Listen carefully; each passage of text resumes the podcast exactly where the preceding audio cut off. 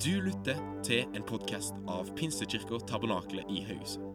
Vi tror at kirka kan være et sted der mennesker kan trives i alle livets faser. En kirke for hele livet. Ønsker du å bli bedre kjent med oss, gå inn på våre sosiale medier eller på pkth.no. Her kommer ukas tale.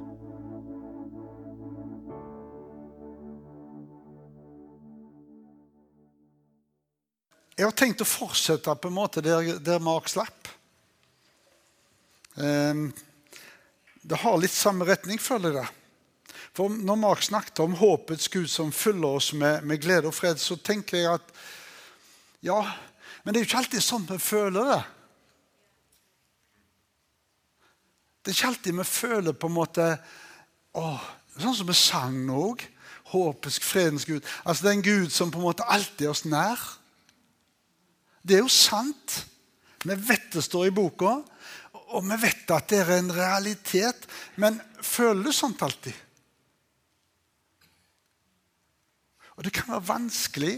Eh, Jeg glemmer aldri jeg, eh, for eh, forrige årtusen. Da jeg gikk i Misjonskirken, og, og, og, da kjørte der fra kvelden igjen etter kveldsmøtet. Vi hadde to møter på søndagen. sant? Og kjørte inn fra kveldsmøtet.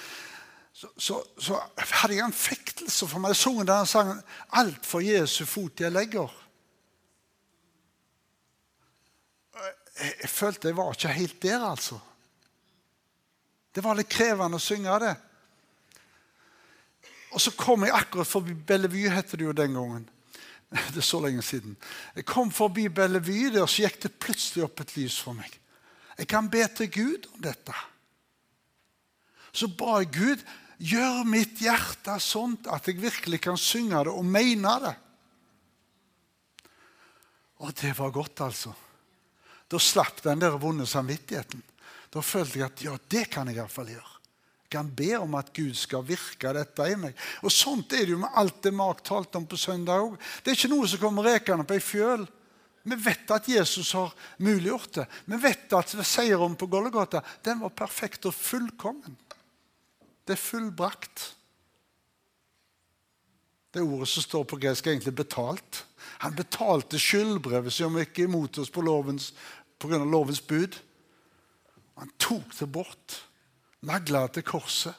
Fantastisk. Men, men så er det dette å ta imot det som kan være litt krevende noen ganger. Jakob han sier i 4,8 at hold dere nær til Gud, så skal han holde seg nær til dere. Det er et løfte. Men igjen blir det litt krevende, for jeg føler ikke alltid at jeg holder meg nær til Gud. Jeg føler det kan være litt krevende, det. Det kan være krevende å be, det kan være krevende å lese Bibelen. Det kan være krevende å gjøre de tingene som hører med det å holde seg til Gud. Men løftet er jo fantastisk. Da kom en lovlærd, står det. Han blir kalt lovlærd. Hvis du legger det inn på Word, så får du feil på det ordet. De har visst glemt det ordet. Men han var lovlærd, kanskje en fariseer eller noe sånt. Og så Han kommer til Jesus i Matteus 22, og så spør han hva det største budet er. Og Jesus har svaret klart, selvfølgelig. Du skal elske Herren Gud av hele ditt hjerte, hele din sjel, all din forstand. Og Den lovlærde sier ja, det er sant, det. Sånn er det. De var enige om det. Det er klart det er det største og viktigste. Skal du komme nær til Gud, så må du elske han. Du må jo ha et ønske om det, i alle fall. Men igjen så er det litt krevende, syns jeg. jeg synes det, det, er ikke liksom sånn du trykker på en knapp, så skjer dette. Elske Gud. Har du, når du ber sammen med noen, brukt det ordet? 'Jeg elsker deg, Jesus', eller 'Jeg elsker deg, Gud'? Har du det? Det, det, er jo, det er jo litt krevende, det òg, hvis du skal mene det 100 da. Elske Gud av hele ditt hjerte, all din sjel og forstand. Ja. Igjen så er jeg tilbake med Bellevue der. Gud, virk dette i meg. Gjør et verk i meg, Gud. Jeg føler ikke alltid sånn. Det at du lever i en tid der følelser er så fryktelig viktige. Det er nesten viktigere enn fakta. følelser. Litt sånn. Det skal jeg ikke snakke om. Men det er ikke alltid du føler du er der, at du kan si ærlig 'Jeg elsker deg, Gud'. Jeg elsker deg, Jesus. Høyere enn kona mi. Det er det Gud sier, egentlig. Setter han først og elsker han så høyt. Um, I England så har de nok sett Westminster Catechism. En katekisme, altså en lære. på en måte da. Og Der står det på engelsk da, The chief end of man is to glorify God and enjoy him forever.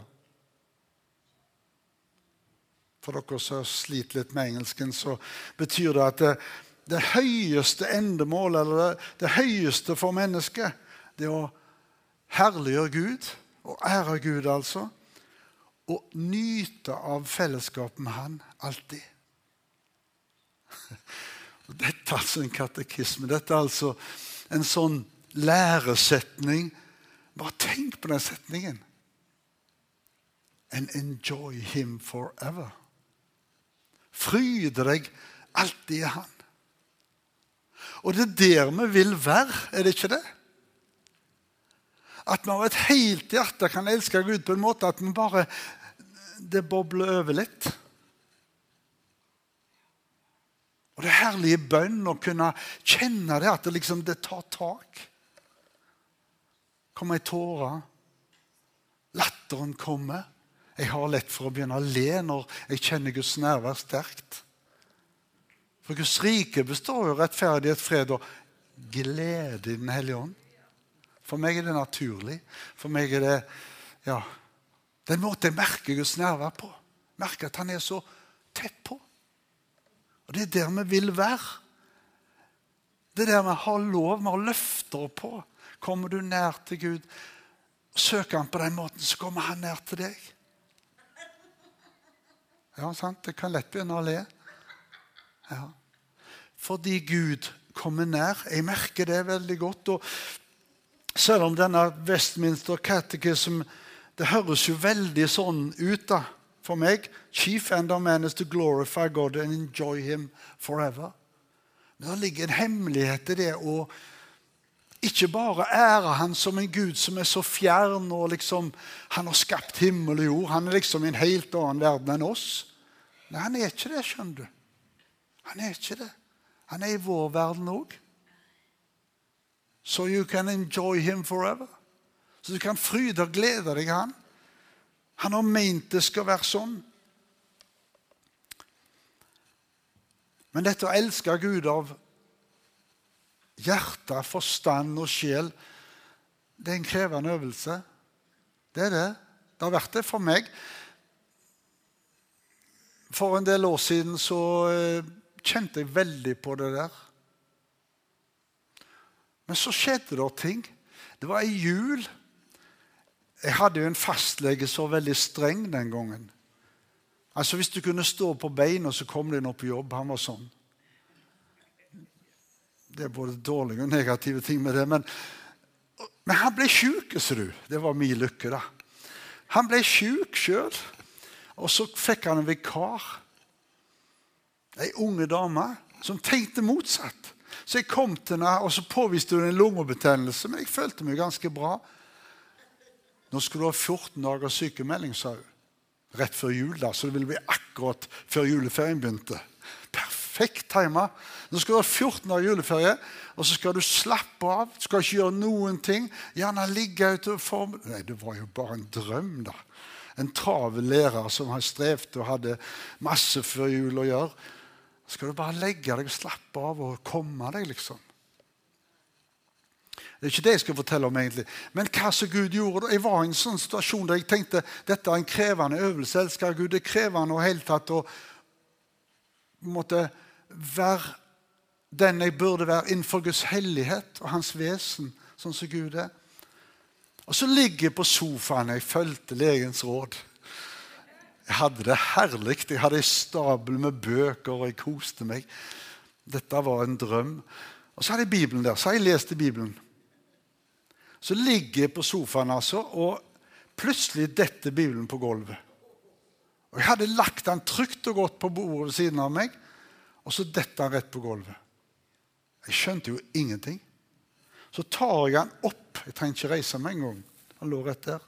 Tar jeg den opp, og det var en sånn bibel, vet du. som hadde, Du ser sånn som det stikker ut, liksom. Det var tre sånne. Rødt, hvitt og gull. Flotte greier. Ekstra luksus ved den bibelen. Så tar jeg den opp, og så ser jeg at det, det var jo ingen sånne som stakk ut. Så jeg snur Bibelen, og det var ikke noe der heller. Altså, Plutselig hadde de tre snorene som stakk ut, gått inn igjen mens han ramla på gulvet. Da ble, begynte jeg å bli nysgjerrig. Og så åpner jeg først der det ligger ei sånn snor. Og så står det om Guds kjærlighet. Det var det eneste jeg hadde strekt unna. Så handler det om Guds kjærlighet til oss. Wow, tenkte jeg. Var dette tilfeldig? Men jeg hadde jo to snorer til, og de lå inne på samme plass. En annen plass i Bibelen. Og Der står det om Jesus. Du er min sønn, den elskede. I deg har jeg velbehag. Det var det eneste jeg strekte strekt under der. Wow, tenkte jeg. Det kan ikke være tilfeldig. Og kjente bare hvordan hjertet mitt falt til ro med den der følelsen at jeg er elsket av Gud. Selv på en dårlig dag. Selv på en dårlig dag, selv når du føler at følelsen er ikke helt der de burde være, så elsker han meg.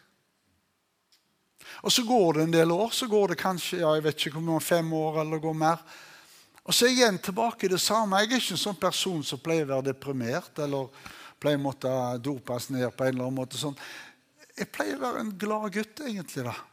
Men da var jeg begynt å se på meg sjøl og Hvis du begynner å se for mye inn på dine nyrer og hjerter og begynner å granske deg sjøl, så finner du jo mye dumt. da. Det var mye skrot i det skapet. Og jeg tenkte hvordan kan egentlig Gud elske meg? Jeg er ikke kvalifisert. Det var jo egentlig en veldig dum tanke. da. For hvem er egentlig kvalifisert til å bli elsket av Gud? Kan det rekke opp ei hånd? Amen. Det var iallfall en som skjønte det. Kvalifiseringa ligger ikke hos han, det ligger en annen plass. Men og skal fortelle Da hadde jeg tre Det var en påske. Jeg hadde tre opplevelser. Tre netter på rad opplevde jeg å bli møtt av Gud. Men den tredje skal jeg fortelle om. For det blåste meg helt av banen, som folk sier. Så sov jeg, og så hadde jeg en drøm. Det var akkurat som jeg sto inne i en bunkers. Det var sånn sånn skyteskår, sånn avlangt, som pekte veldig ut, sånn at du kunne se hele landskapet. Gjennom der så jeg et tørt landskap, et sånn gulsvidd eh, sommerlandskap. Jeg tenkte Israel med en gang. Og så var det en skikkelse langt, langt borte, som en liten prikk som kom gående. Og jeg visste hvem det var. Det var Jesus. Etter at jeg kom nærmere, så kunne jeg se klærne hans. Han hadde en kjortel på seg, husker jeg. Den var i jordfarger, liksom gult og brunt og hvitt, med loddrette striper. Han var ganske sid, den kjortelen. Og så tenkte jeg i drømmen Nå skal jeg se hans ansikt. Det hadde jeg lyst på. Se ansiktet til Jesus. Og plutselig så står jeg utenfor det rommet, bunkersen eller hva dette her var. Og så kom han mot meg. Og så ser jeg øynene hans. Aldri sett sånne øyne før. De var så fulle av kjærlighet. Det var som en flom. Det var som det fløyt sånn, nesten som vann. Noen flytende kjærlighet. Var som det og traff meg og strømte inn i meg. Jeg kjente bare åh, han elsker meg. Jeg, jeg fikk ikke sett på ansiktet i det hele tatt. Jeg klarte ikke å se på noe annet enn de øynene. Og så Til slutt så sto han rett foran meg, og så rekker han fram hånda, som for å hilse. Og jeg tar han i hånda i et godt grep. Og så kjenner jeg noe rart. Det strømmer ild på armen min fra hans arm. Og når det kommer opp til skuldra, så bråvåkner jeg i senga. Så ligger jeg på ryggen i senga. Armene ligger helt fritt. Du skulle tro at jeg hadde sovna på armen, at det stakk. Nei, det er ingenting sånt. Jeg var lys våken, men armen brant. Merkelig, tenkte jeg, og så sovna jeg. Jeg var bare våken noen få sekunder, sovna igjen. Om morgenen, når klokka ringte jeg skulle på jobb, så hadde jeg akkurat den samme følelsen fremdeles. Jeg kunne ikke tenke på noe annet enn de to øynene som så på meg med så mye kjærlighet. Det var det eneste jeg tenkte på. Jeg hadde ikke lyst til å spise frokost med familien min. Jeg har ingenting imot dem, men det var liksom å gå ut av Guds kjærlighet og, i hverdagen. på en måte. Jeg hadde ikke lyst til det. Jeg skulle likt å bare satt meg på et rom og vært der i et par-tre dager, kanskje ei uke, alene.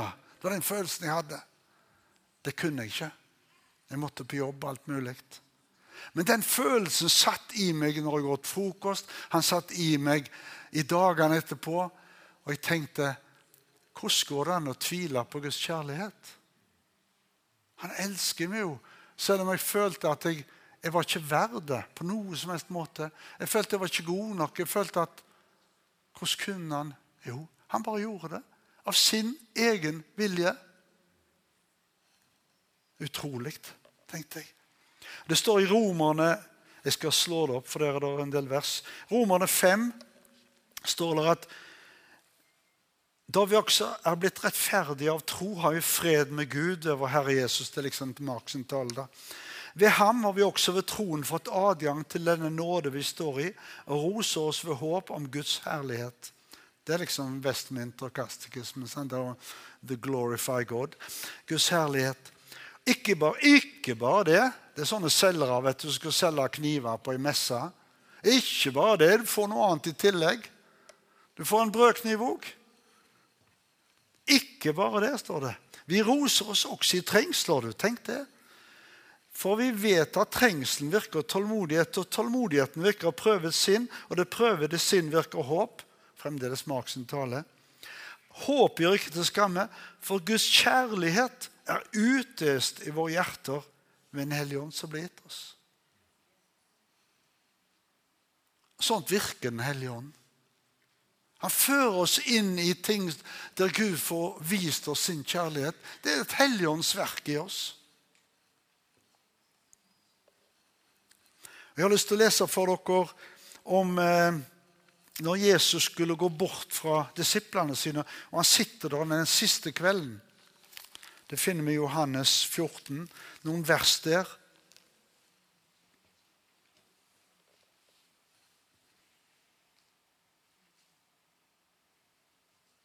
21 og 23 skal jeg lese. Og der står det Den som har mine bud og holder dem, han er den som elsker meg. Den som elsker meg, skal bli elsket av min far. Jeg skal elske ham og åpenbare meg for ham.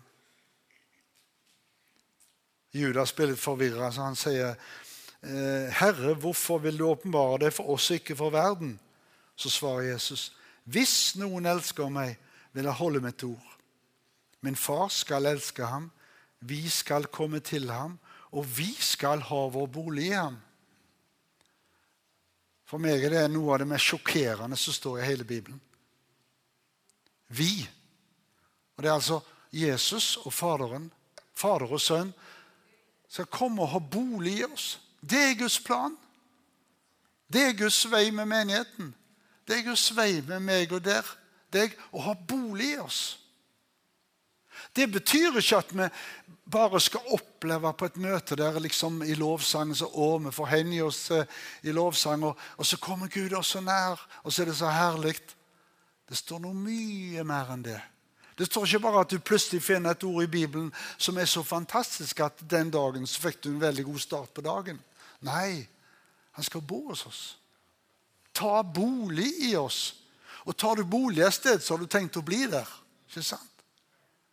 Det er ikke en opplevelse. Det er ikke en god dag du har hatt. Han skal bo. Men det står noen betingelser der, og det er litt sånn snublesteiner på en måte.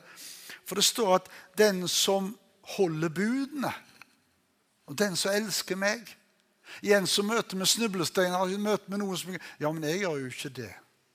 Det er ikke god nok. Igjen så er jeg tilbake i Skjoldaveien opp med Bellevue. Gud, virk det i meg. Herre, driv meg du. Jeg får ikke alt til. Jeg klarer det ikke av egen makt og kraft. Vi gjør jo ikke det. Men han kommer til oss, han kommer over oss. Og så skjer det en forandring i oss. Det er hans verk. Og jeg vil si fra A til Å. Han hang på korset og sa det er fullbrakt, verket. Alle våre synder, alle våre feil og mangler. Alt det som vi henger fast i, alt det som kan trykke oss ned. For vi har en motstander som vil sette fingeren på oss og si Ser du, nå har du bomma. Holder du budene, kanskje? Holder du alle budene? Hvis du har brutt ett, så har du brutt alle. Det står i Bibelen.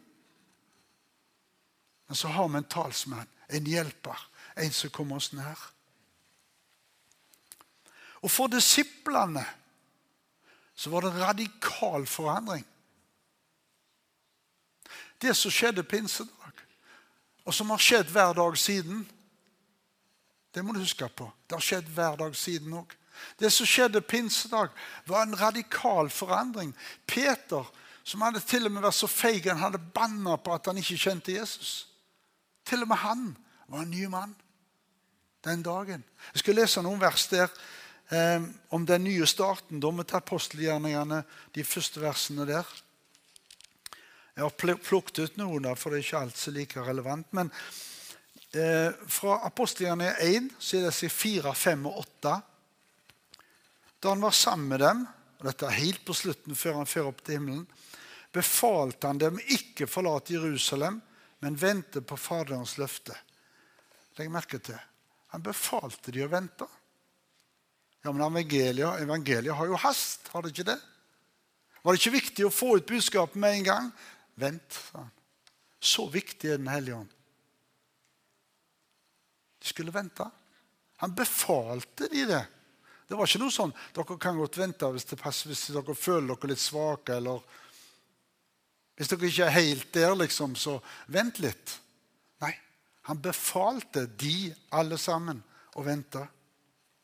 Så står det i vers 5 For Johannes døpte jo med vann, men dere skal bli døpt med Den hellige ånd ikke mange dager heretter.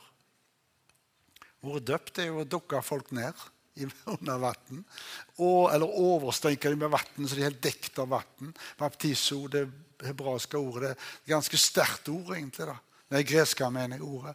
Det er ganske sterkt ord, egentlig. Det er ikke liksom bare en sånn liten Det er skikkelig det som er døpt i bassenget der. Ikke mange dager heretter. Og så vers 8. Dere skal få kraft når Den hellige ånd kommer over dere. Dere skal være vitner om meg i Jerusalem, hele Judea, Samaria, helt til jordens ende. Igjen er det 'skal'. Det er ikke noe sånn 'dere kan få lov å', eller 'noen av dere'. Lederne deres kan eller skal. Nei, det gjelder de alle. Skal få kraft. Det gjelder Peter.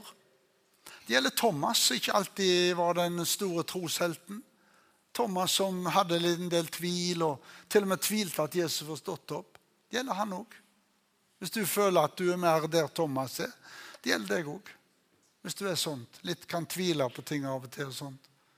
Peter var jo stor i munnen og ikke så stor i alt han gjorde alltid. Men han var en tøffing òg. Det var han som gikk ut av båten bortover vannet møtte Jesus. Men så vanlig tviler han nå, så plutselig synker han når han ser bølgene. og Begynner å fokusere på dem, så, så bar ikke vannet lenger. Han var ikke sånn. Han var helt, men ikke helt. Ikke helt helt. Som var Peter. Hvis du ligner på han, så gjelder det deg. Ligner du ikke på han, så er det nok av andre eksempler. Det var iallfall elleve da. Dere skal være vitner overalt da. Men så er det sånt Nå skal vi ha bønneuke neste uke. sant? Det er litt interessant, det, da. På pinsedag så var ca. 120 samla. De var iallfall det noen dager før eller rundt den tida. 120. Det er jo bra, da. Bønnemøte med 120, liksom. Kjempebra, ville jeg sagt hvis jeg var på det bønnemøtet. Jeg har vært på bønnemøte med flere tusen, men det var nede i Tyskland. da, med Susset Hatting. da, Det var litt større, liksom. Men Her var det 120. Men tenk på det. Hvor mange hadde sett Jesus etter han sto opp? Levende, stå foran de, oppstandende Kristus. Hvor mange hadde sett det? Det var faktisk mange. En, en plass står det at til og med 500 på én gang så han. Og hvor mange var det pinsedag som venta på han? Den hellige ånd, mener jeg. 120. Altså en brøk av det som hadde møtt Jesus oppstanden. Da kan vi jo tenke sånt Hvor var de andre hen, da? De visste jo om bønnemøtet. Hvor var de hen? De tenkte kanskje vi kan jo be hjemme, da. Været er ikke så bra akkurat nå. Det er litt varmt. Eller var det kaldt? Der nede det er helst varmt, kanskje. De hadde en god grunn, kanskje. De hadde noe dyr de skulle se etter. De hadde et eller annet, og så er det jo middagen, da. sant? Og det er forskjellig som kommer på. Så mesteparten av de 500-700 eller hvor mange som hadde sett Jesus oppstanden, de var jo ikke der. Tror du at noen av de angrer etterpå? Jeg vil iallfall angre noe så forferdelig. Tenk på det. Å være der på pinsedag og kunne fortelle at jeg var der, jeg så det. Det var flammer på hovene til alle. Det var som en eksplosjon, og det var et brus. Det var som en kraftig stormvind som fulgte lokalet. De kunne høres ut forbi. Tenk å være der og oppleve dette. Og kunne fortelle at vet du hva? Alle opplevde det. Alle ble døpt i Den hellige ånd den dagen. Løftet han hadde gitt. Alle opplevde det. Til og med Kari fra Sveio opplevde det. Eller liksom han som ingen regnet med, han som var fra Aksdal og sånt. Som ingen hadde tro på. Altså, Til og med han opplevde det. Alle opplevde det. For da ble det jo sånn som det står i Jol 3. Det skal skje Til og med over treller og trellkvinner vil han utgyte sin ånd. Når Jol, Hvis ikke du husker det, så les det Jol 3 når du kommer inn. Jol 3, altså Til og med over treller og trellkvinner, unge og gamle, de skal tale profetisk, de beramse opp om pinsedag i profeten Jol. Flere hundre år før dette skjedde. Og så skjer det på den måten. Og dette forvandla jo folk så totalt. Det ble livsforvandlende for dem. Og Tenk på Peter, da, som hadde vært litt sånn redd av seg. Han var redd for å bli arrestert og redd for at han skulle bli henrettet, han òg, sånn som Jesus. Han var jo lederen. Han var jo den neste de ville ta.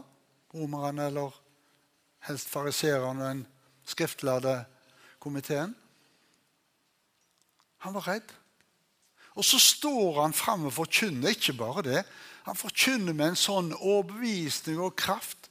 Det står at 3000 ble lagt til menigheten den dagen, altså etter dette møtet. Tenk på det. Det er bra møte, altså. Men det var ute på gata. Og folk hadde stimla sammen. Det er tydelig at dette hørte de ute på gata. Ikke sant? Det var lett å høre. Det fikk folk til å samle seg. Og da tenker jeg Den gjengen som samla seg, det måtte en bråkete forsamling. For det var pinsehøytid. De var kommet fra mange forskjellige land.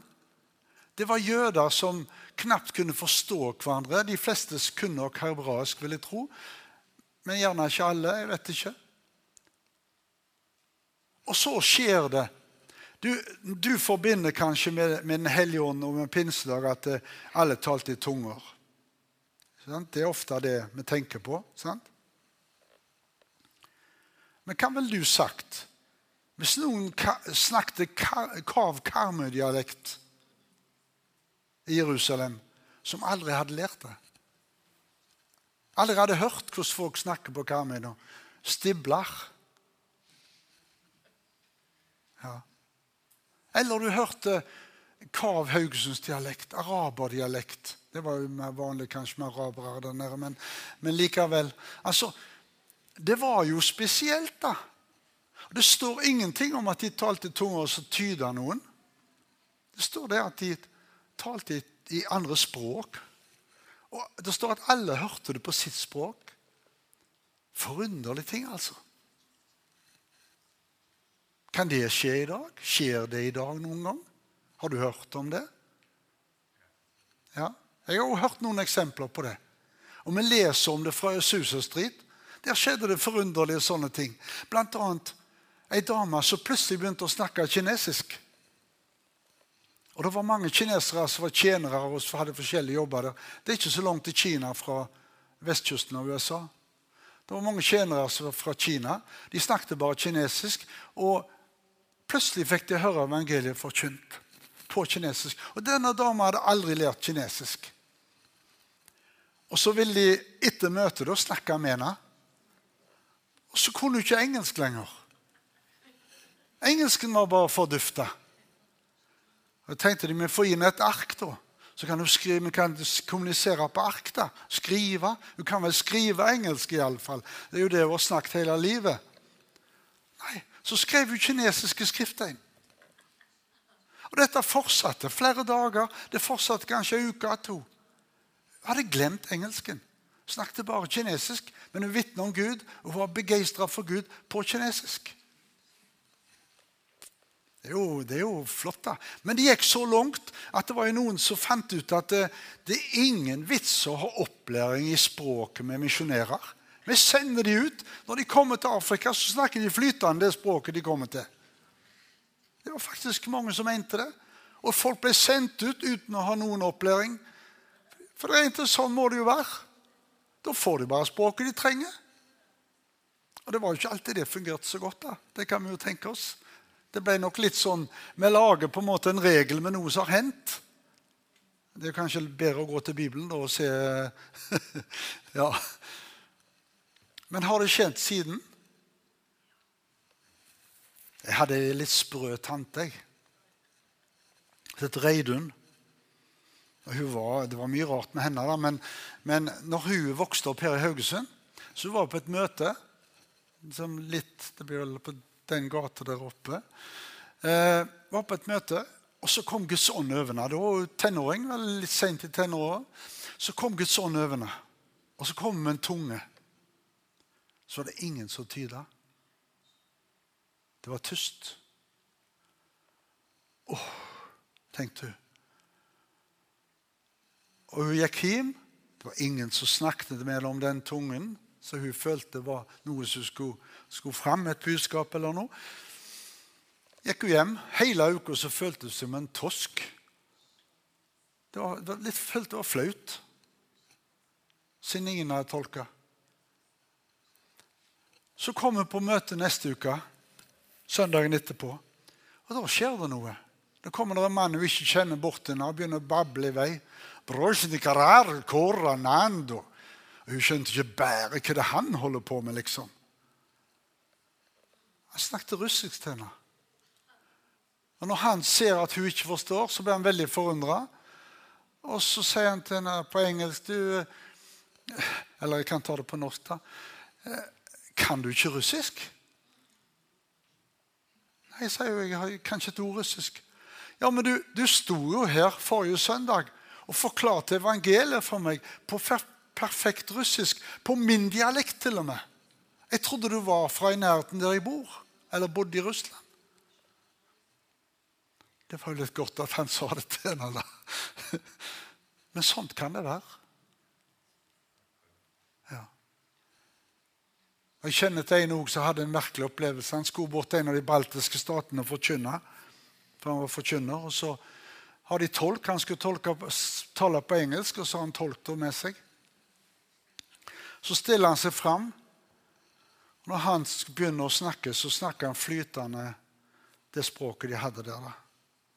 Tolken står ved siden av han og ser forvirra på han. Hva er dette for en misforståelse? Han snakker jo flytende språket vårt. Og Dette språket beholdt han en stund etterpå. Så når han kom til Norge, så traff han en som hadde studert det språket i to år. Han fikk snakke med han. Og han som hadde studert i to år, sa ja, men du snakker jo mye, du snakker jo flytende. Jeg forstår jo alt du sier. Du snakker flytende. Du snakker mye bedre enn meg. Og han beholdt språket jeg vet ikke hvor lenge, men Jeg traff han da en stund etterpå. og Han fortalte den historien. Overraskende for han sjøl, og enda mer for tolken. Men sånne ting opplevde de på pinsedagen. Ildtunger. I Asusestrid var det sånn at det, noen ganger så rykka brannvesenet ut. For de så ille over hele lokalet. Brannvesenet rykket ut og, og forsto ikke helt hvor brannen var. For det, det, var tydeligvis ikke noe røyk, det var ikke noe brann inne. Det var, det var bare over taket at det så ut som ild. Gud gjør ting som ikke vi helt forstår, tror jeg. Og så stiller Peter seg fram og holder talen. da. Jeg har lyst til å lese litt, bitte litt av den talen. Det står i Apostelgjerne 2,38. For der sier han, der kommer han egentlig med en sånn frelsesinnbydelse, eller en sånn Hva er det viktigste når det gjelder frelsen og det å omvende seg til Gud? Da sier han til de 38.: Omvend dere. Dette taler altså til de mange tusen som hadde samla seg ut forbi. Og enhver av dere la seg døpe til Jesu Kristi navn, til syndernes tilgivelse, og dere skal få Den hellige ånds gave. Peter, lovte du dette til alle? Lovte du det til vanlige folk? Lovte du det til fattig og rik? Til de som ikke kunne lese engang? Slett ikke skrive? Han lovte det til alle. Så hvis du føler at du ikke er helt kvalifisert, så skulle du hørt Peter. Ja. Dere skal få Den hellige ånds gave. Dette lover han, og jeg tror faktisk han ikke lovte for mye. Og Så ser du da i kapittel 2 eh, fra vers 42 at det skjer store forandringer blant folk. da. Altså omvendelsen og alt det som skjer, fører til at folk endrer sterkt måten de lever på. Da står de holdt hele tiden urokkelig fast ved apostlenes lære. Så Bibelen samfunnet, altså fellesskap mellom de, brorskapet, hvis vi skal ha fire b-ene, brødsbrytelsen, altså nattverden, og bønnene. Det står at de holdt hele tiden urokkelig fast ved de tingene. Det var resultatet av pinsedag. Det førte til forandring i menneskers liv. De ble totalt forandra. Og det kom frukt over enhver sjel. Mange under og tegn ble gjort ved apostlene. Alle som trodde, alle som trodde, det var 3000 i første omgang, var sammen. Hadde alle ting felles. Det var ikke så hjertene deres ble utvida. Plutselig så elska de folk på en sånn måte at 'Har du ikke mat, du? Har du litt dårlig nå?' Og så ga de.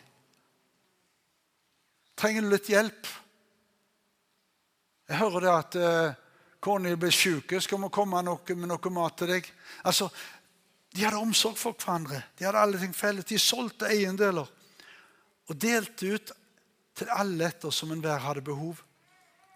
Og de holdt seg daglig med sinn i tempelet. Daglig i tempelet. Det var da ekstremt, da.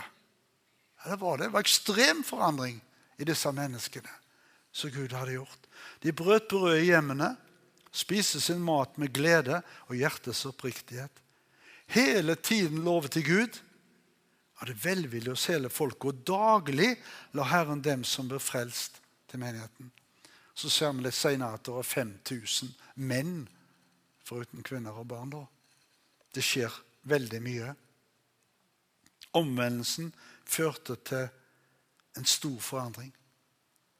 Og jeg tror det å være til stede på pinsedag, det å komme så tett på dette kraftfulle bønnemøtet som endte opp i tunger og storm, det betydde mye. Det forandra menneskers liv. Det forandra jo ikke hele nasjonen.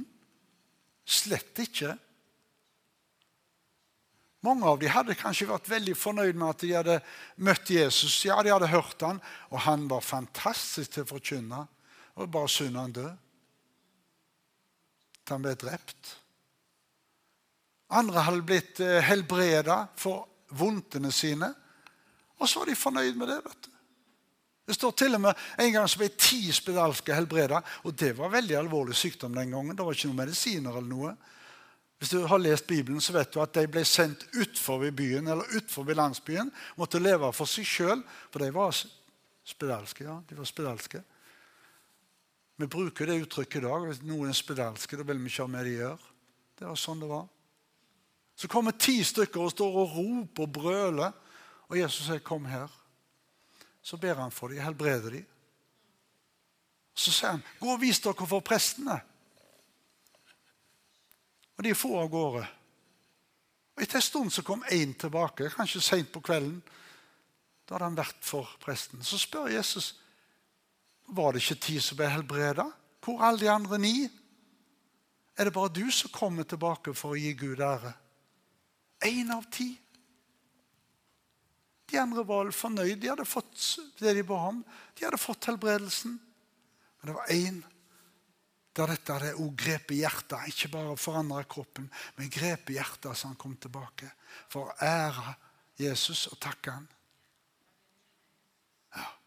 Og han er jeg sikker på han fikk noe mer. Han fikk noe viktigere. Han fikk noe som gikk på djupet.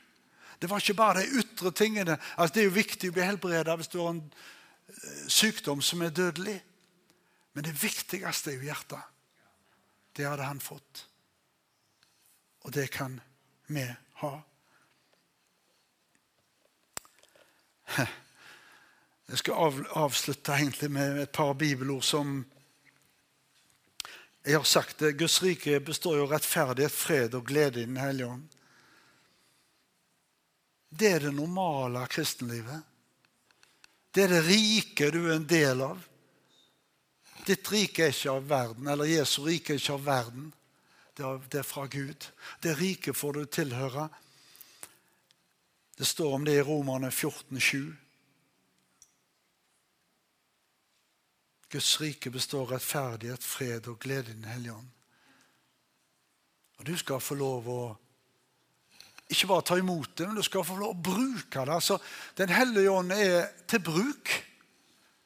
Den hellige ånd er ikke noen pyntegjenstand vi setter på ei hylle ja, og kan fortelle at eh, den 20. juni 1900 og et eller annet så ble jeg døpt i Den hellige ånd. Det var framme med botsbenken. Ja, den gangen var det kanskje botsbenkhog. Det er ikke noe sånn vi skal huske på oss, vi skal sette på ei hylle og ha som en slags diplom på veggen eller suvenir eller noe flott vi kan minnes. Den hellige ånd er ment for bruk. For Jesus sa, 'Nå går jeg bort fra dere.' Og det er godt for dere at jeg går bort, for jeg skal sende Den hellige ånd. Og han skal være hos dere, og han skal være med dere.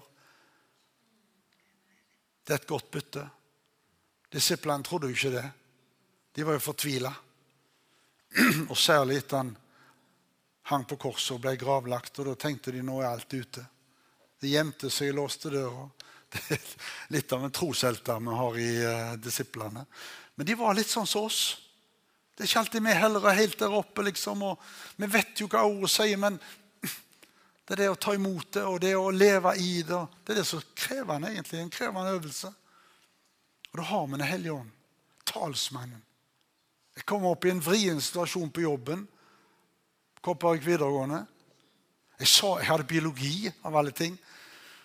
Og så eh, Biologiboka vår var jo håpløs. derfor. Første kapittel det var om vitenskapelig metode. Og Da sto det svart på hvitt for at noe skal være bevist som en sannhet, så må du gjøre et forsøk om igjen og om igjen og om igjen med samme resultat hver gang. Og Så kan du begynne å regne på sannsynlighetsregning og sånt for å finne ut om dette holder mål. Det sto om vitenskapelig metode. Så kommer kapittel to, evolusjonslæren. Og denne Biologilæreren han trodde ikke helt på den.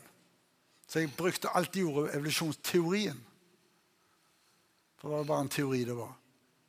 Han er ennå ikke bevist, egentlig. da. Men så var det den teorien, da. Så sier det at de fleste menneskene på jorda tror jo ikke på den. De fleste mennesker tror på en guddom. og litt sånne lignende ting. Og jeg tar at I morgen skal vi ta, diskutere litt dette. Det kan være interessant. Så skrev jeg opp på tavlen noen websider som de kunne gå og se på for å få liksom, begge sider. Da. En av elevene ble rasende.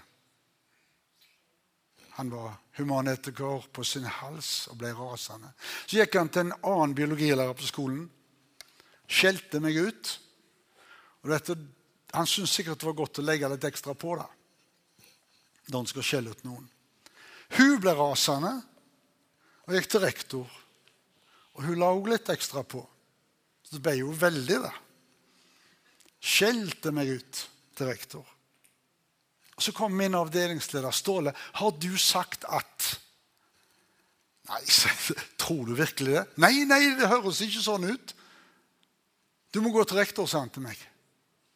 Nei, sa jeg. Det er så dumt. Jeg, jeg, jeg går ikke til rektor for noe så tosje som det. Men jeg gikk hjem, og så sa jeg, 'Talsmann, Helligånd, du som min talsmann, du må ta saken.' Jeg vil ikke ta den. Jeg er ikke en god advokat. Ta den, du. Og så begynner Helligånden å virke. Og så skjer det. Jeg fikk høre hvordan den historien endte. Rektor kalte inn den biologilæreren på sitt kontor og ga han klar beskjed. Hvis du en gang til snakker stygt om og baktaler dine kolleger, så skal du få med meg gjøre. Og sånt vil jeg ikke ha på denne skolen. Jeg gikk aldri til rektor. Jeg fikk bare høre resultatet av det. Den hellige ånd hadde virka. Han var ikke en kristen mann, kom fra en kristen familie, men han var ikke en kristen mann, rektor. Men det var noe som hadde skjedd i mellomtida. Jeg fikk aldri mer problemer med henne. Jeg fikk av og til litt sånn anonyme artikler i posthylla mi. Det kunne skje. Det, det, var det meste som skjedde etter det. Og jeg fikk være biologilærer så lenge jeg hadde lyst til det. Men Den hellige ånd er vår talsmann, hjelper, og det kan også oversettes advokat. Veldig bra å ha en så god advokat som kjenner alle ting. Det andre ordet jeg har lyst til å nevne før vi må gå inn for landing, det er et ord som jeg er veldig glad i. Eh, jeg tror det står i Korinterne 1,9. Jeg har ikke skrevet det opp her hos meg, men det står 'Gud er trofast'. Ble ham ble dere kalt inn i samfunn med Hans Sønn Jesus Kristus, vår Herre. Det viktigste kallet for en kristen det er det startpunktet Peter hadde, og disiplene hadde pinsedag. Der ble samfunnet med Gud spikra fast. Det ble sterkt. Det ble på en måte gjenoppretta. Etter alle feil og mangler. Peter hadde jo svikta så totalt. Der ble Peter gjenoppretta. Motet kom tilbake. Kraften når han forkynte ordet, var tilbake. Dere skal få kraft når Den hellige ånd kommer over dere. Der ble det gjenoppretta for Peter og de andre. Samfunnet med, samfunnet med Gud, der er Gud er trofast ved ham blir dere kalt inn i samfunnet med Hans Sønn Jesus Kristus, vår Herre. Og Det er samfunnet vi skal få, lov å leve i. Samfunn det er noe mer enn bare at du kjenner en person lite grann. Jeg hilste på en her ute i dag som jeg ikke husker navnet på. Jeg vet ikke om jeg har lært det heller, men, og jeg ikke lett, har ikke så lett for å lære navn. Men nå ble jeg litt mer kjent med han. Men jeg kan ikke si at jeg kjenner han. Det er forskjell på å ha samfunn med folk. Det betyr å kjenne dem på dypet. Du har et fellesskap. Du er sammen. Du har, for en jøde så liksom det har måltid med noen, å spise sammen, det er noe spesielt. Det gjør du ikke med hvem som helst.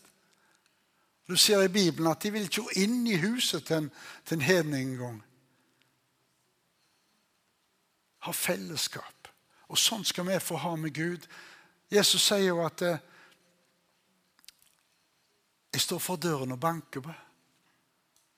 Hvis du åpner døra Det er ikke så vanskelig å åpne døra, egentlig. da.